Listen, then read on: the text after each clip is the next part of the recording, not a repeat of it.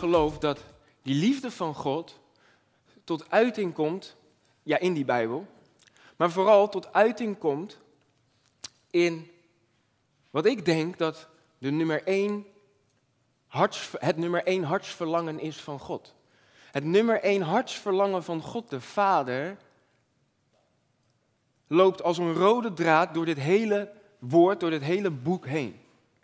En ik geloof dat die rode draad is iets super basic. En misschien dat je denkt, het klinkt zelfs cliché in mijn oren.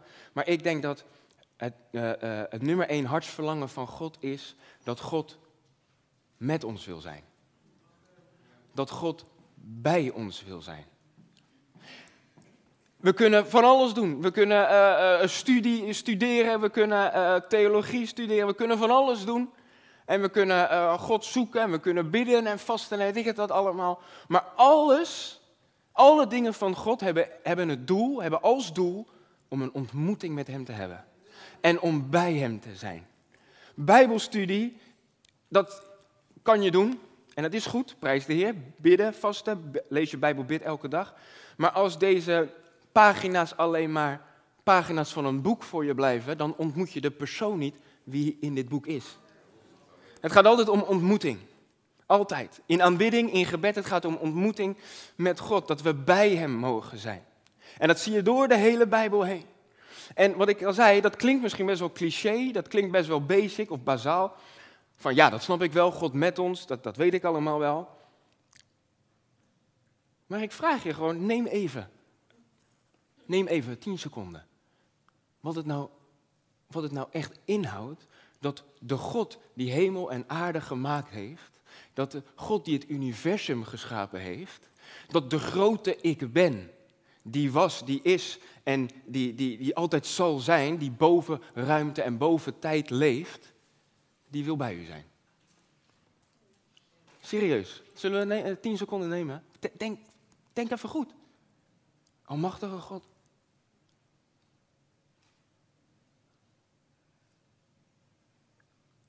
De God van Abraham, de God van Isaac, de God van, van wonderen in het Oude Testament.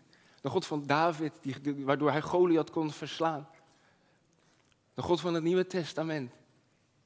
Die wil bij ons zijn. Die wil met ons zijn. Er is geen groter verlangen in het hart van de Vader dan dat hij bij jou wil zijn. Geen groter verlangen. En dat verlangen zie ik door de hele Bijbel heen. Want mijn mensen maken er bijna altijd, bijna altijd, een potje van.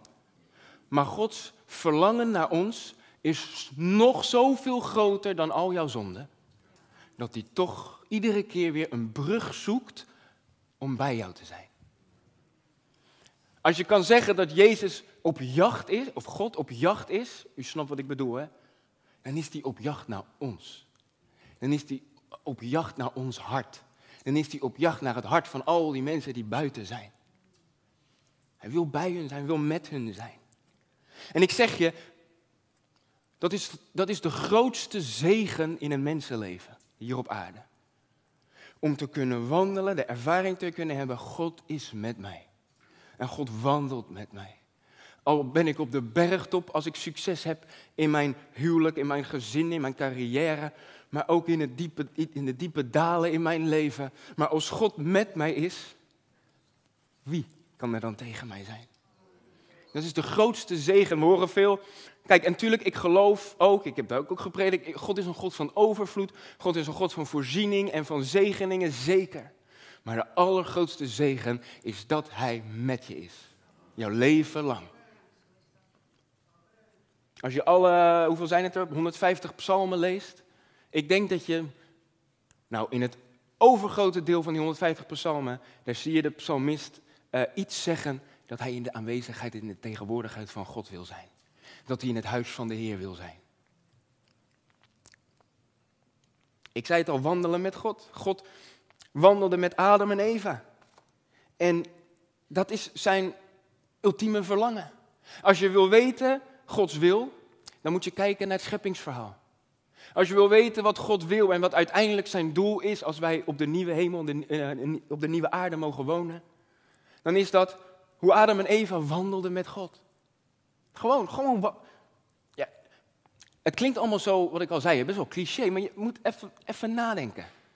Dat God die wandelde zij aan zij, misschien wel hand in hand met Adam en Eva. Ja, ik wil dat ook. Elke dag. Ik wil dat elke dag. En het is mogelijk voor ons nu al te ervaren, elke dag hier en nu, op aarde. Ik ga het je laten zien.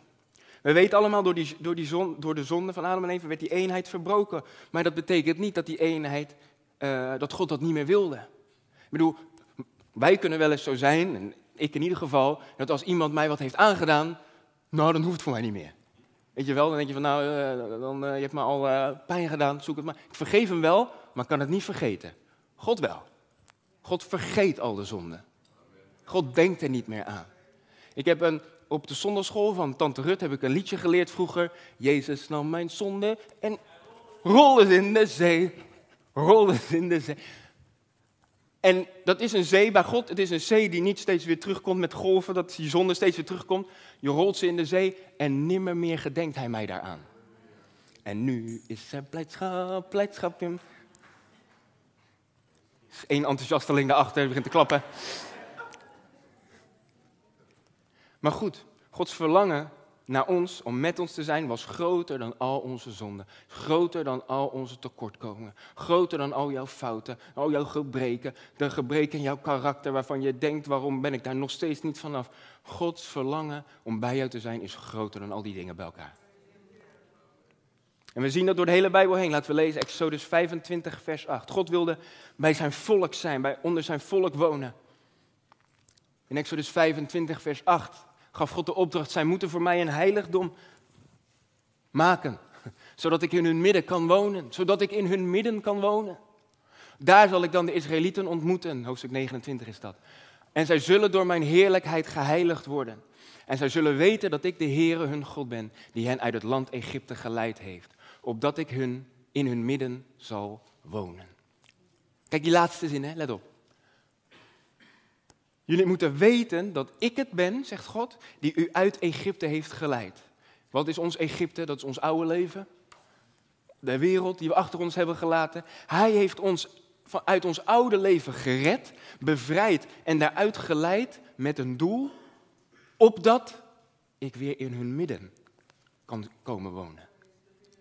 Wij zijn gered door het bloed van Jezus, opdat God weer in ons midden kan wonen opdat we weer één met Hem kunnen zijn.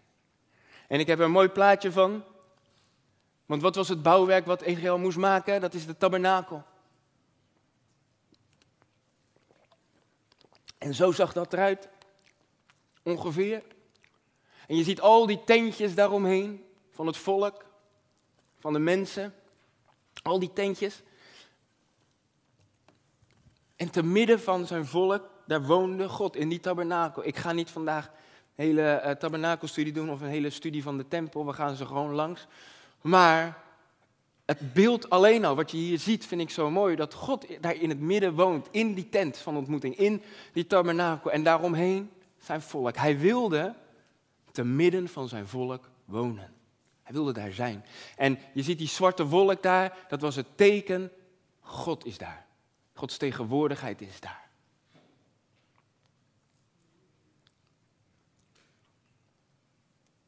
Besef nou hoe ongelooflijk dat is. Dat God dat wil. Dat hij niets liever wil dan dat. Later bouwde Salomo, dit was een mobiele, mobiele bouwwerk, die konden ze meenemen, de tent hè, met de ark des verbonds en zo, u weet het allemaal wel.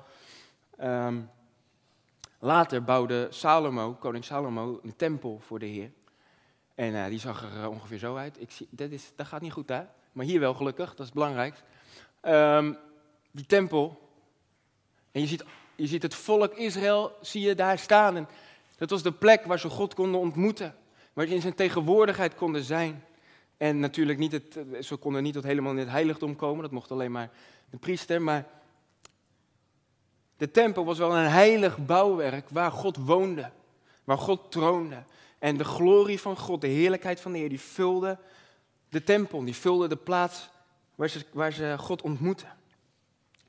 En deze twee dingen, die tabernakel en die tempel, hè, Hoe mooi die dingen ook zijn, hoe geweldig en precies gedetailleerd God ook de instructies gaf hoe het gebouwd moest worden, zeker die tabernakel.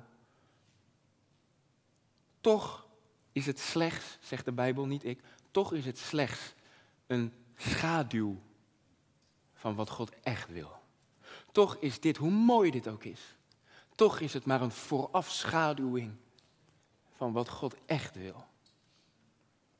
Daarom is het prachtig om dit te bestuderen. En daar kan je prachtige geheimenissen uithalen.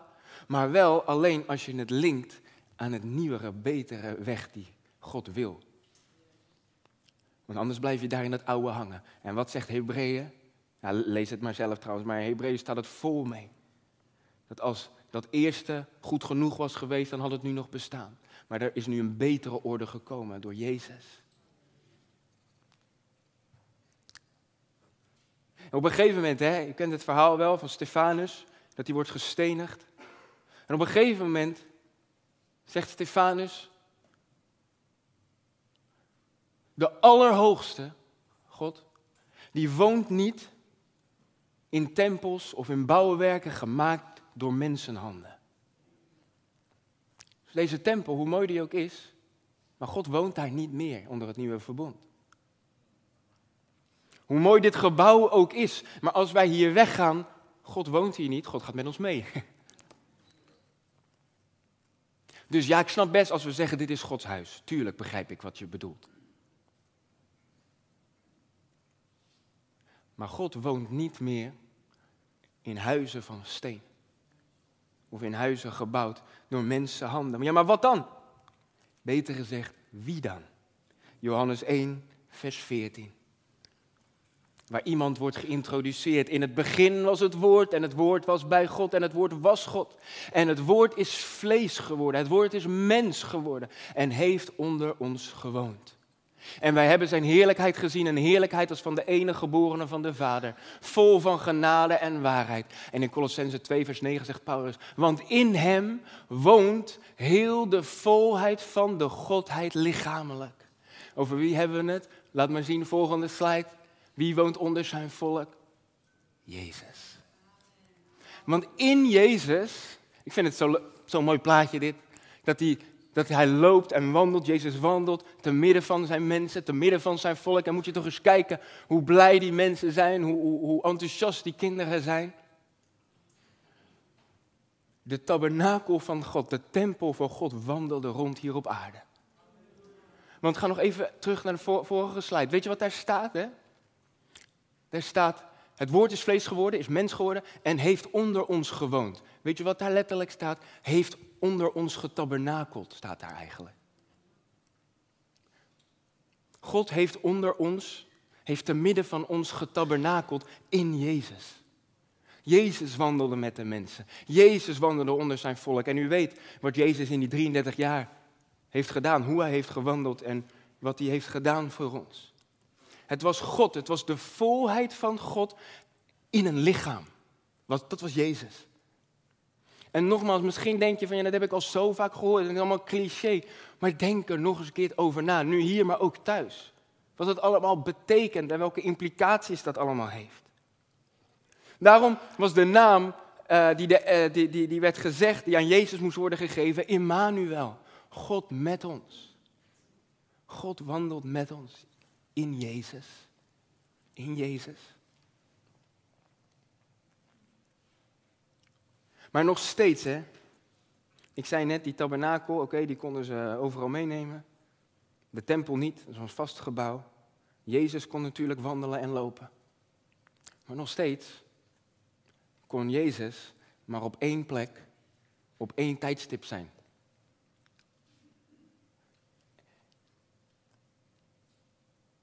En ik vind het ongelooflijk. Maar God houdt zoveel van u. God houdt zoveel van jou. Dat hij zegt, ik zal je niet als wees achterlaten. God wil nog dichterbij. God wil nog intiemer. God wil nog dichter en nader en dieper bij jou komen. En daarom zei Jezus, het is nuttig voor u dat ik wegga. Het is zelfs beter voor u dat ik wegga. Zei hij tegen zijn discipelen. Je zou denken, de discipelen denken, ja, kan u niet voor altijd bij ons blijven, Heer Jezus? Want dan kunt u mij de weg wijzen. Dan, kunt u dan kunnen wij u volgen. Dan kunnen we zien welke wonderen u doet. En Jezus zegt, ja, maar het is nog beter voor u dat ik bij u wegga. En vroeger begreep ik dat nooit. Ik denk, hoezo? Die discipelen misschien op dat moment ook niet. Denk, ja, hoezo kan het nou beter zijn als de liefste, mijn, mijn geliefde, bij mij weggaat? Hoezo is dat dan beter? Hoe kan dat dan beter zijn? Johannes 14, vers 16. En ik zal de Vader, dit, Jezus spreekt, en ik zal de Vader bidden en hij zal u een andere trooster geven. Opdat hij bij u blijft tot in eeuwigheid. Dat kon Jezus niet doen in zijn vlees. Hij kon niet eeuwig leven hier op aarde als mens. Hij leeft wel voor eeuwig natuurlijk als God. Maar als mens kon Jezus dat niet. Maar hij zegt, het is beter voor u dat ik wegga, want dan kunt u een andere helper eh, krijgen. Die wel bij u kan blijven tot in eeuwigheid, namelijk de geest van de waarheid. Hij blijft bij u en zal in u zijn. Als iemand mij lief heeft, zal hij mijn woord in acht nemen en mijn vader zal hem lief hebben. En dan dit. Wij, wie zijn dat? God de Vader en God de Zoon. Wij zullen naar hem toekomen en bij hem intrek nemen. Ik weet niet, maar dat zou uw hele mind moeten blowen. Dat zou uw hele verstand niet meer moeten kunnen bevatten. Dat zou alle begrip te boven moeten gaan dat God en Jezus bij ons intrek komen nemen. Bij ons komen intrekken. Woont, woont in ons.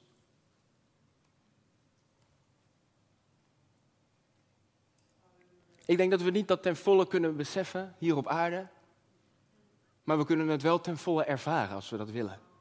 En als we God daarvoor de ruimte geven na de tabernakel, na de tempel, na Jezus, ben jij de tempel van God. Bent u de tempel van God? Bent u de woning van God? Ben jij het huis van de Heer? Vergis je niet. Vergis je niet wat dat betekent. Vergis je niet dat overal waar je gaat, ben jij het huis van God. Komt God binnen als het goed is. En jij bent niet God, maar Hij in jou en door jou heen. Jij bent niet, zoals ik wel vaak hoorde laat, uh, in sommige kringen, van we zijn allemaal kleine Jezusen. En we zijn niet allemaal kleine Jezusen, Jezus woont in ons. En Hij wil wel door ons werken, dat wel.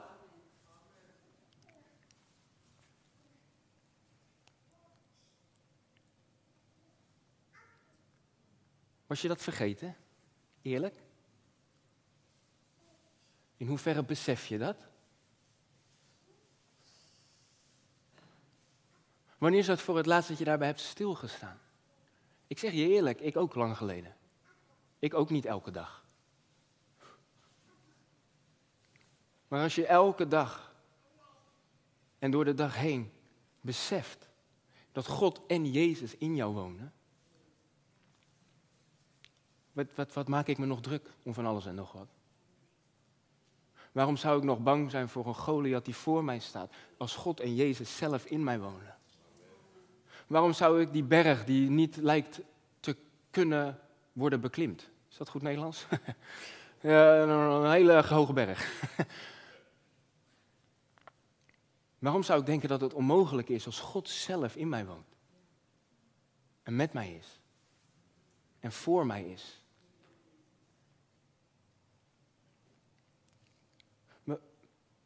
Ik denk dat, het, dat wij mensen, ook Gods kinderen, het besef daarvan heel vaak vergeten. En zo makkelijk vergeten.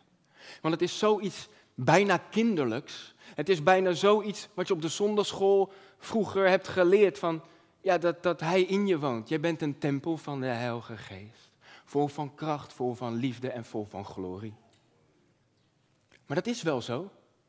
Voor mijn part zing je dat zondagschoolliedje iedere ochtend als dat jou doet beseffen dat God in jou woont. Vergeten we het niet heel snel en heel makkelijk.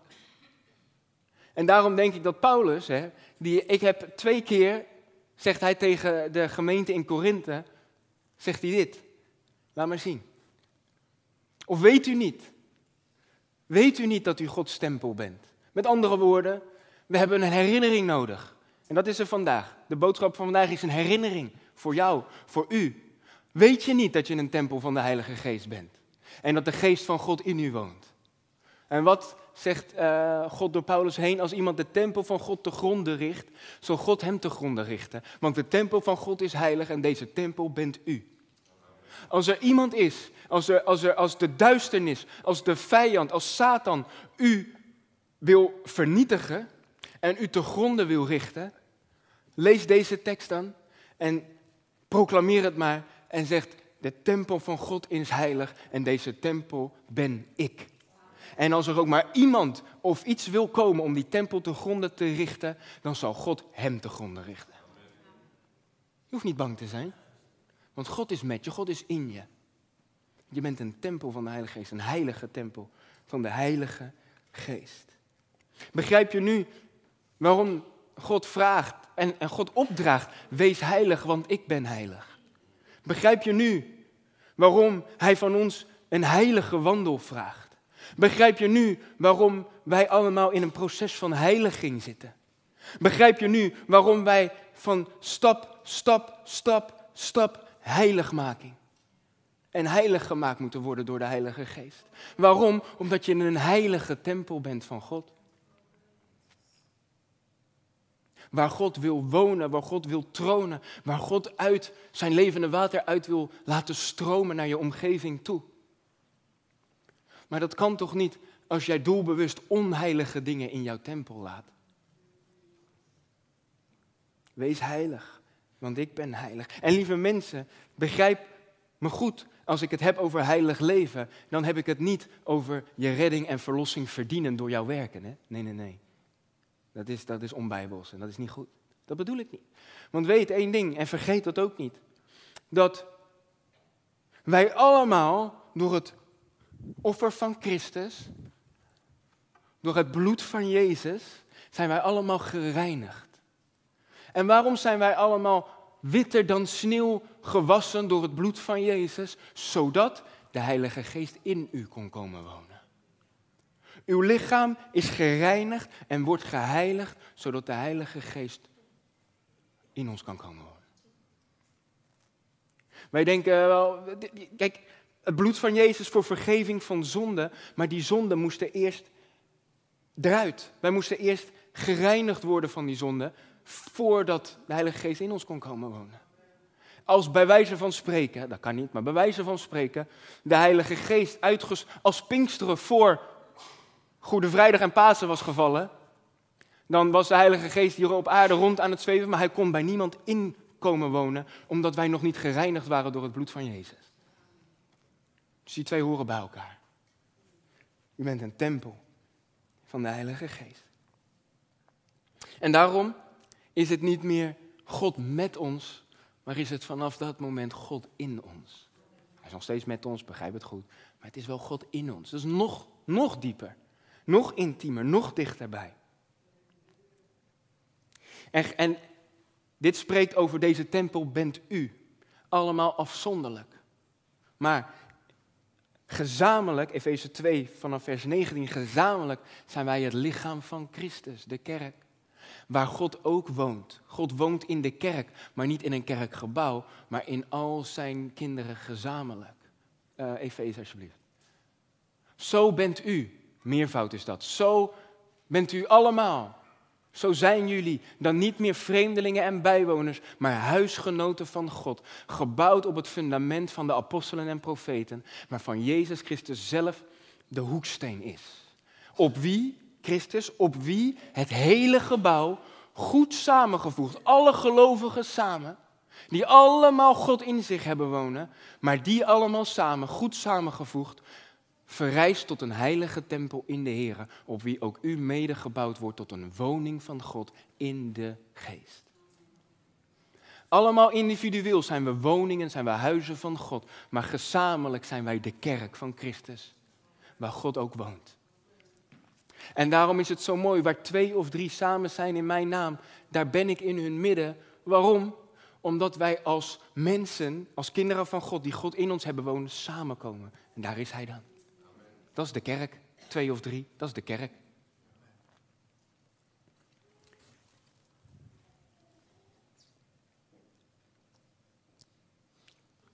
En wat ik zo ongelooflijk vind, is, is, is ik, heb het wel eens, ik heb het wel eens aan u gevraagd, hè, dat um, als wij in de hemel komen, hè, even hypothetisch, als we in de hemel komen, dan, um, nou ja, goed.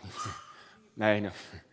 Oké, als we in de hemel komen, dan, um, dat heb ik al eens eerder dat voorbeeld uh, nu gezegd, moet ik het nu ook goed zeggen.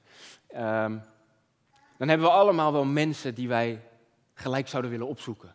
Weet je wel, je dierbaren die voor zijn gegaan, tuurlijk. Maar ook denk ik wel dat we allemaal wel een, een, een bijbelse held of zo, of heldin hebben, die, die we wat zouden willen vragen of zo. Weet je wel, ik, ik zou bijvoorbeeld heel graag aan, aan, aan, aan Mozes willen vragen hoe het nou was. Dat hij, die, die steekt gewoon zijn stok in de Rode Zee en die Rode Zee splijt en ze gaan er gewoon, over, uh, gaan er gewoon midden door. Zou ik best willen vragen hoe dat was. Misschien heeft u een, een, een, een geloofsheld wie je zou, aan wie je zou willen vragen of zo. Ik weet niet. Nee, u niet? Eh, David of zo, eh, die Goliath versloeg. Of wat dan ook. Adam en Eva. Hoe was het om van die vruchten te eten?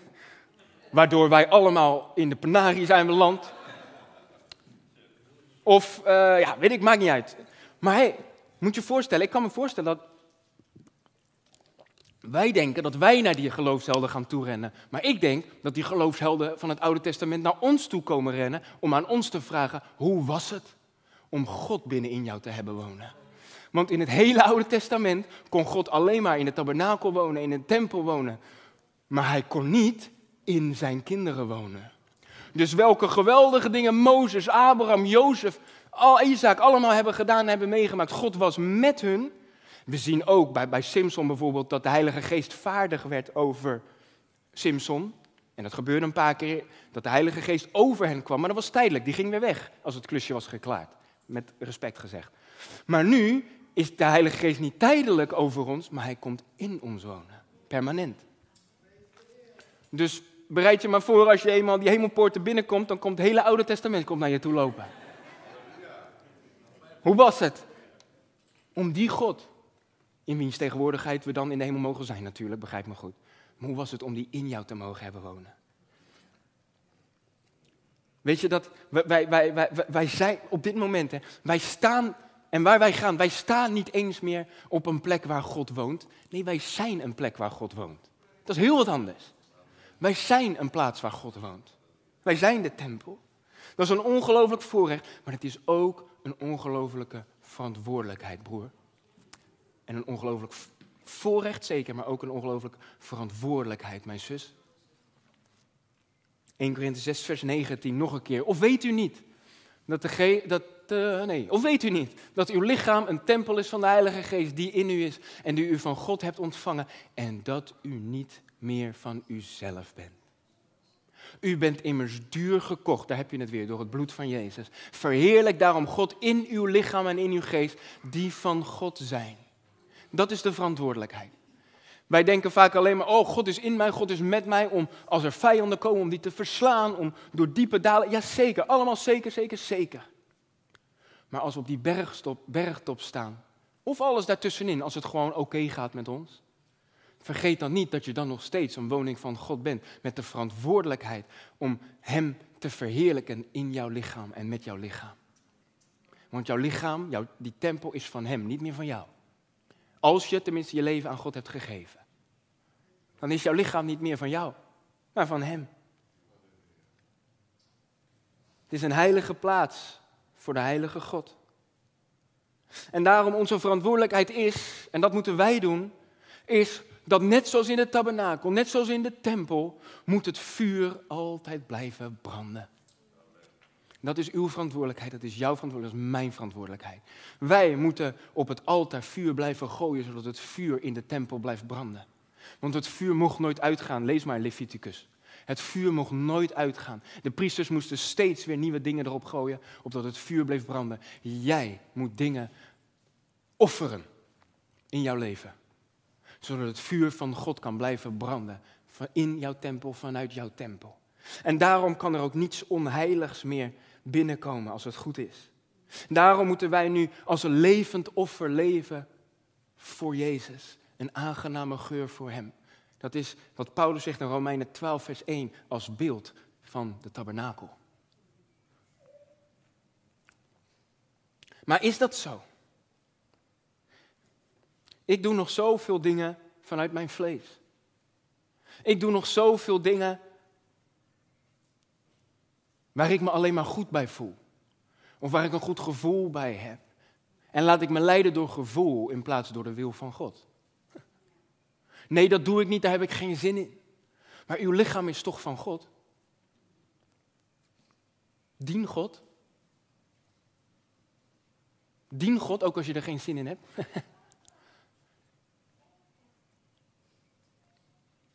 Dien God if you don't, uh, uh, even if you don't feel like it. Aanbid Hem, ook al ben je moe. Prijs Hem, ook al is het moeilijk in je leven. Want jouw lichaam is een tempel van de Heilige Geest. En de Heilige Geest in jou, dat heb ik ook vaker gezegd, daar is een, een, een 24 uur, 7 dagen per week, is daar een, een, een bidstond bezig binnen in jou. Maar af en toe, nou niet af en toe, dan moet dat ook jou, jouw ziel en jouw lichaam raken. En dat het eruit komt uh, vanuit jouw lichaam. Ja, maar Jordi, uh, ik heb ook gewoon mijn eigen leven, dat snap je toch wel? Dat snap ik, dat snapt God ook. Maar wel in het besef als het goed is en het bewustzijn dat God in jou is. En dat het vuur mag blijven branden en moet blijven branden zelfs. In hoeverre geven we God de ruimte in ons leven om God te zijn? In hoeverre geven we God de ruimte in ons lichaam en met ons lichaam? Ik heb geleerd de afgelopen jaren, heb ik echt moeten leren, want ik heb dat niet van, van het kind af aan geleerd. Toen ik kind was en ik had zo'n lintje hier gepakt en ik deed wat de kinderen hier deden, dan was ik door iemand weggehaald. Serieus. Maar prijs de Heer met je lichaam. Ik ga niet over lofprijs en over aanbidding spreken vandaag. Maar kijk maar, als je niet in de Bijbel, nou lees het in de Bijbel eerst, daarna op YouTube. Koning David danst in de tegenwoordigheid van God. Kijk maar hoe hij danste. Met zijn lichaam God eerde. Wat doe je met je lichaam? Eer je de Heer met je lichaam? Verhoog je zijn naam met jouw lichaam? Ja, nee, maar Jordi, dat gebeurt van binnen. Van binnen. Het gaat om je hart. Ja, inderdaad. Maar daar woont Gods geest in jou als het goed is. En Gods geest communiceert altijd met jouw geest. En vanuit jouw geest zou dat jouw ziel en jouw emoties moeten raken. En van daaruit zou dat jouw lichaam moeten raken. Niet andersom. Je moet niet. Nou ja, goed. Nee, dan ga ik. Oh, nee, oké. Goed. Maar in hoeverre geven we God de ruimte?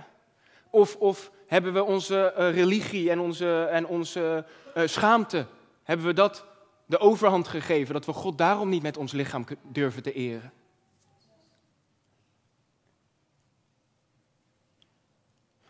Ik denk dat we het verkeerd zien. Ons lichaam, wij zien ons lichaam en ons leven als ons eigendom. Is het vaak niet zo? Ik heb ervoor gewerkt, het is mijn en ik bepaal het en ik. God is de eigenaar van uw leven. God is de eigenaar van uw lichaam. God is de eigenaar van de woning. U bent alleen maar de huurder. U bent alleen maar de rentmeester. U bent alleen maar de beheerder. U beheert het huis. U beheert het lichaam. U moet ervoor zorgen. Maar God is de eigenaar van die woning. Maar hoeveel mensen, nee, ik ga niet vragen hoeveel mensen in een huurhuis wonen, maar als u een huurhuis heeft, of heeft gehad, zoals wij, dan weet u dat u een, een, een, verhuurder hebt, een huisbaas hebt. Wie is de eigenaar, u of hij? Hij, die huisbaas, die verhuurder is de eigenaar.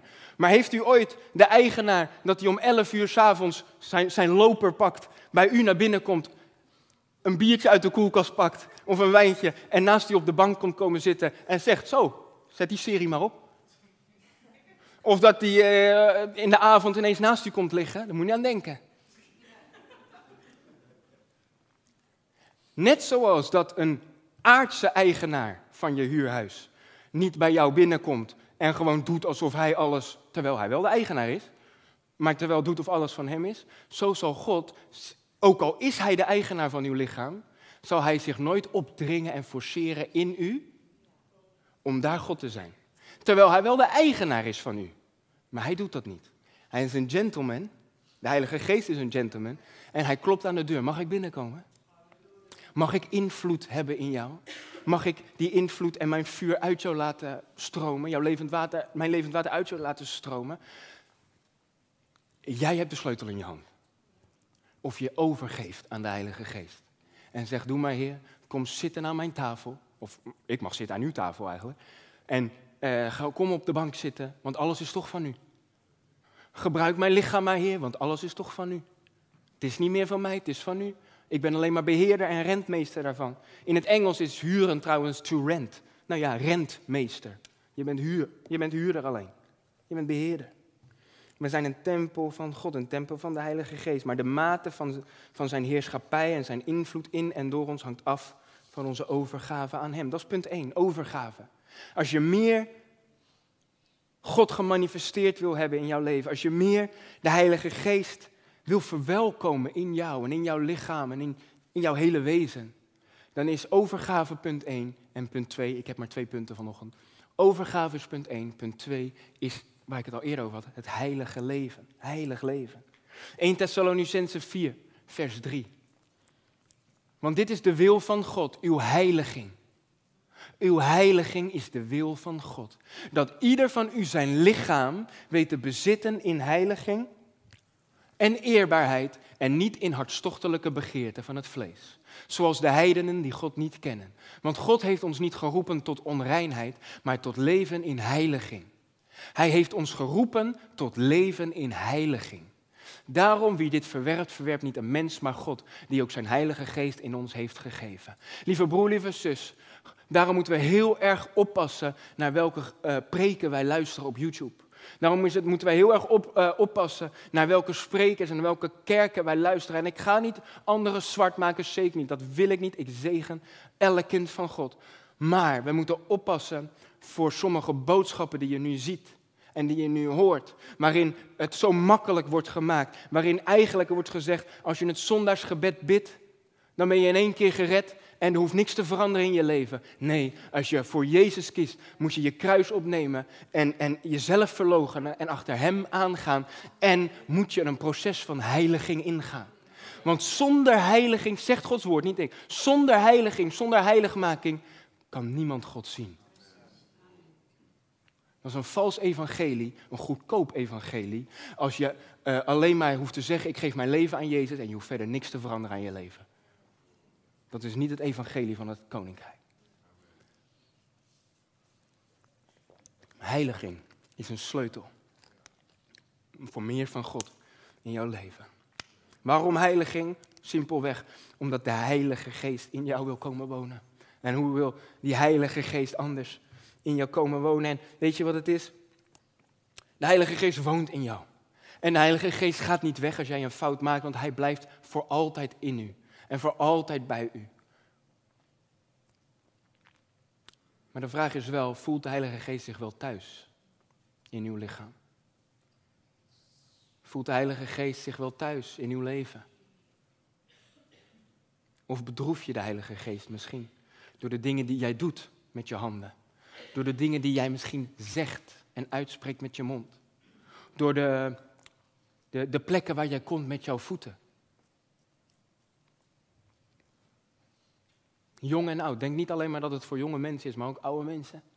En iedereen ertussenin. Hoe gebruik je de mond?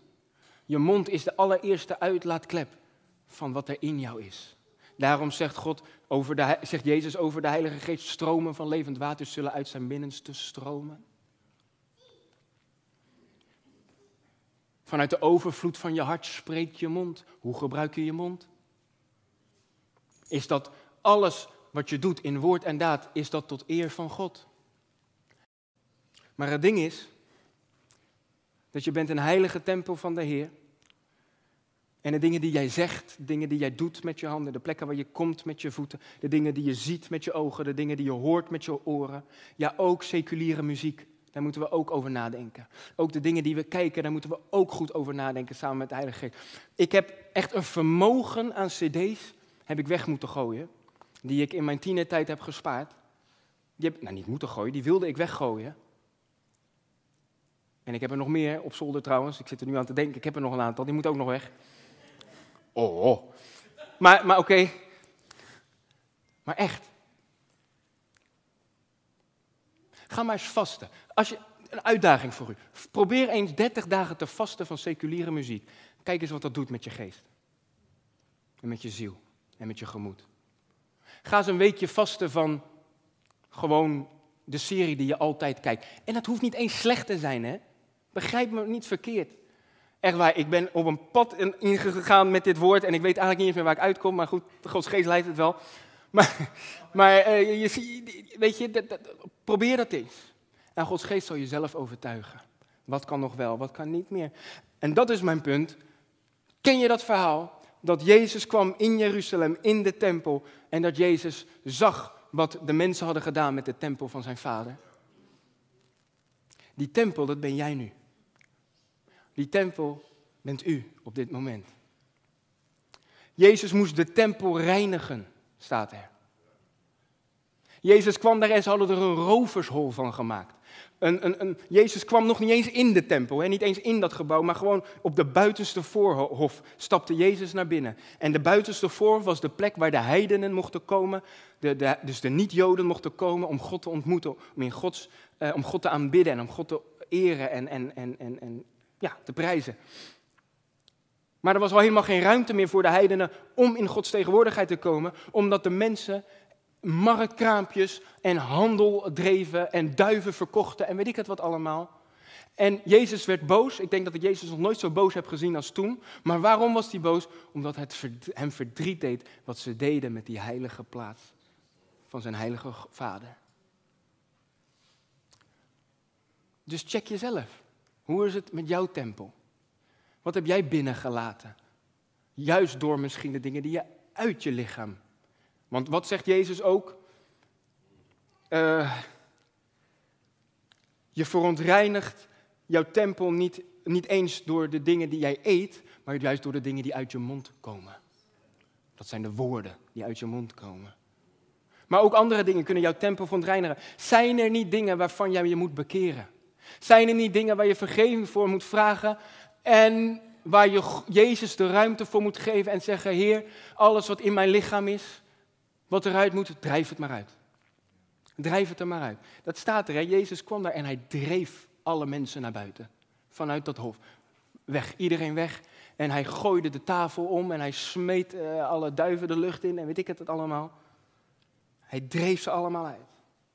Hoe jij omgaat met jouw lichaam, hoe jij omgaat met jouw leven, wat jij doet met jouw aardse middelen hier, je aardse energie, je aardse tijd, je aardse geld, alles heeft alles te maken. Hoe jij daarmee omgaat, heeft alles te maken met hoe jij God ziet. Want ik zeg je, als jij God vreest op de eerste plaats, nou niet op de eerste plaats, gewoon als jij God vreest, als jij de fear of God hebt, dan hoef je niks anders meer te vrezen dan hoef je niets of niemand anders meer te vrezen. Maar als je de vrezen van de Heer hebt, de vrezen Gods hebt,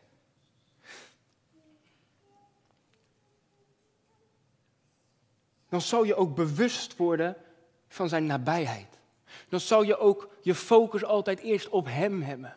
Dan kunnen er problemen in je leven komen, maar jouw focus shift meteen weer, verschuift je perspectief meteen weer ik stel Jezus voor mijn ogen. En die problemen die zijn daarachter, maar Jezus voor mijn ogen.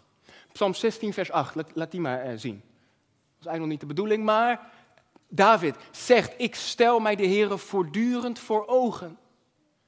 Iedere keer, David die had ook problemen, hè? die had vijanden, die had legers die hem uh, aanvielen. Hij had uh, Saul die speren naar hem toe wierp. en, maar wat iedere keer als er, als er moeite, probleem, ziek, nou, weet ik niet, maar in ons leven ziekte of wat dan ook. Hij stelde de Heer voortdurend voor ogen. Zijn focus richtte hij weer op de Heer, op de nabijheid, op de tegenwoordigheid van God. En hij zei, omdat hij aan mijn rechterhand is, wankel ik niet. Omdat hij met mij meeloopt, omdat hij met mij wandelt, omdat hij, nou ja, voor ons nu dan in ons is en met ons wandelt, wankelen wij niet. Hoeven wij niet te wankelen. En daarom is mijn hart verblijd en mijn ziel verheugt zich. Ook zal mijn lichaam veilig wonen. Geest, ziel en lichaam, hart, ziel en lichaam. Wat wil je nog meer? Jouw hele wezen is in de hand van de Heer. En kan je verblijden. En zal je lichaam veilig wonen. Stel de Heer voortdurend voor ogen. Wees bewust van zijn tegenwoordigheid in jou en om jou heen.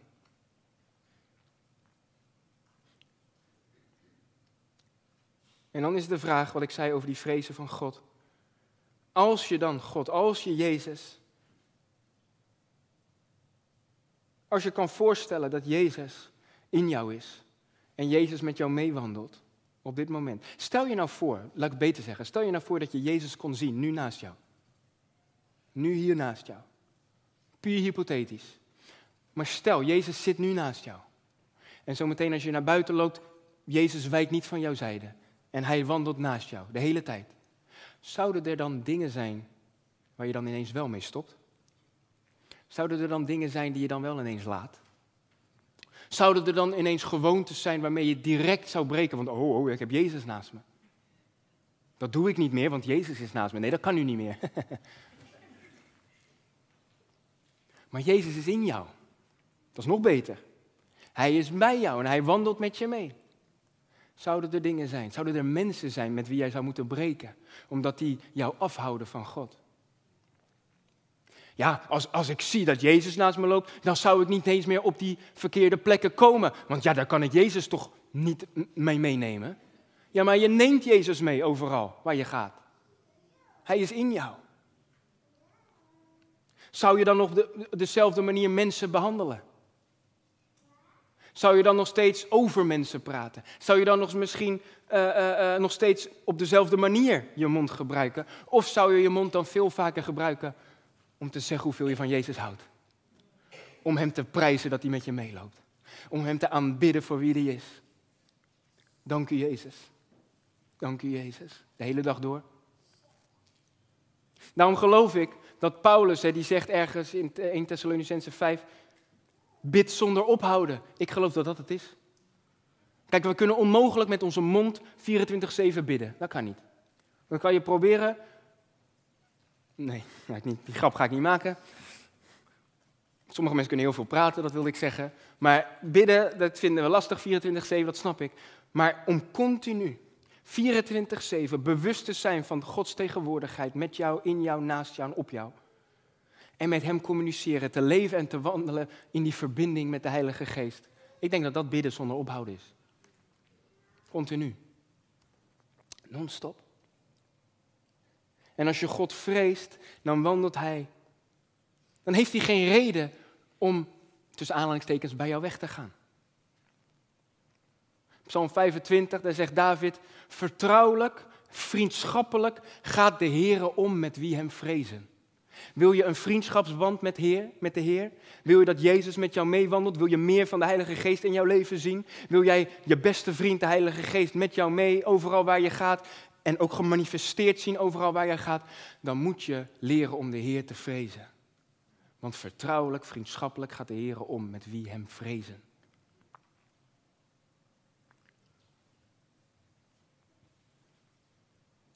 Jezus toen hij in water werd gedoopt.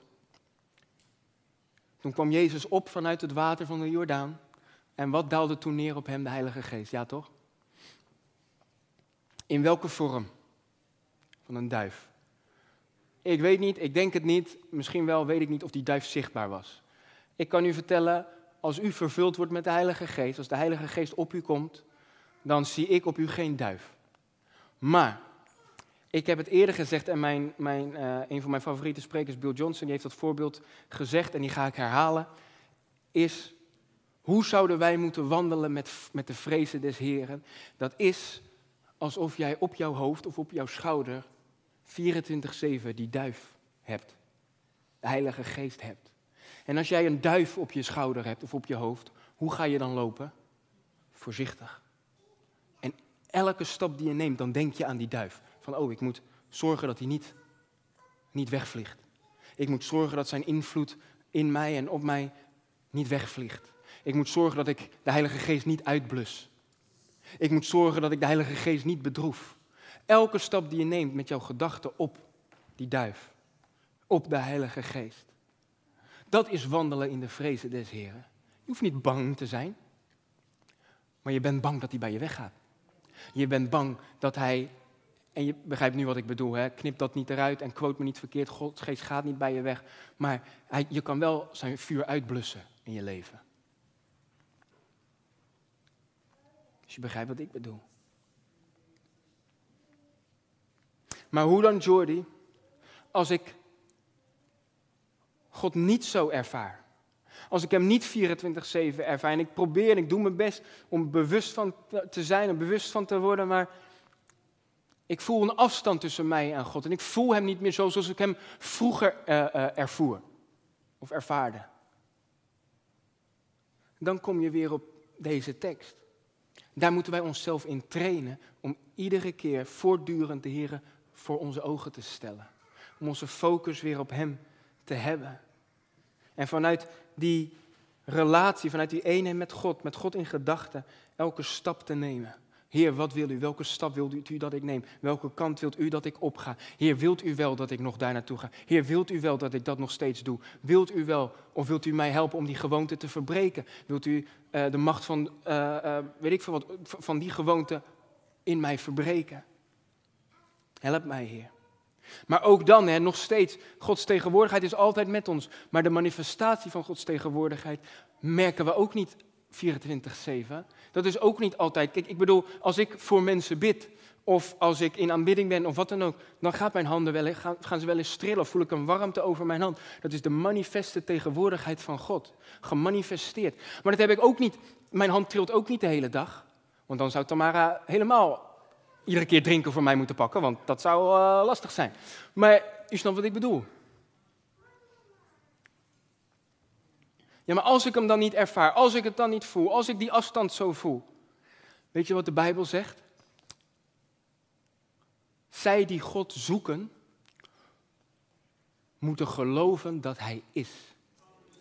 En dat Hij beloont wie Hem zoeken. Als jij met een oprecht hart God zoekt, dan moet je ook geloven dat Hij is. Dan moet je ook geloven dat Hij er is.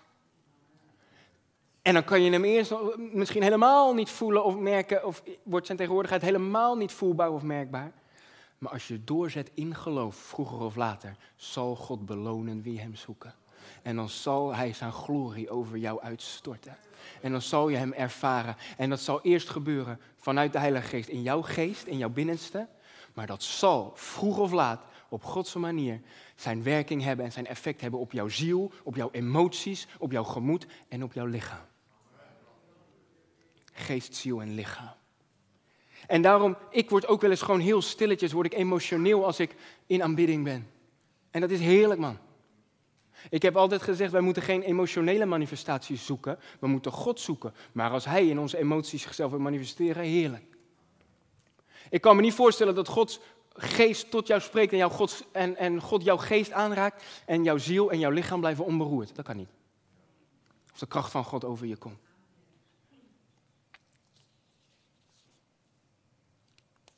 En lieve mensen, en daar eindig ik mee.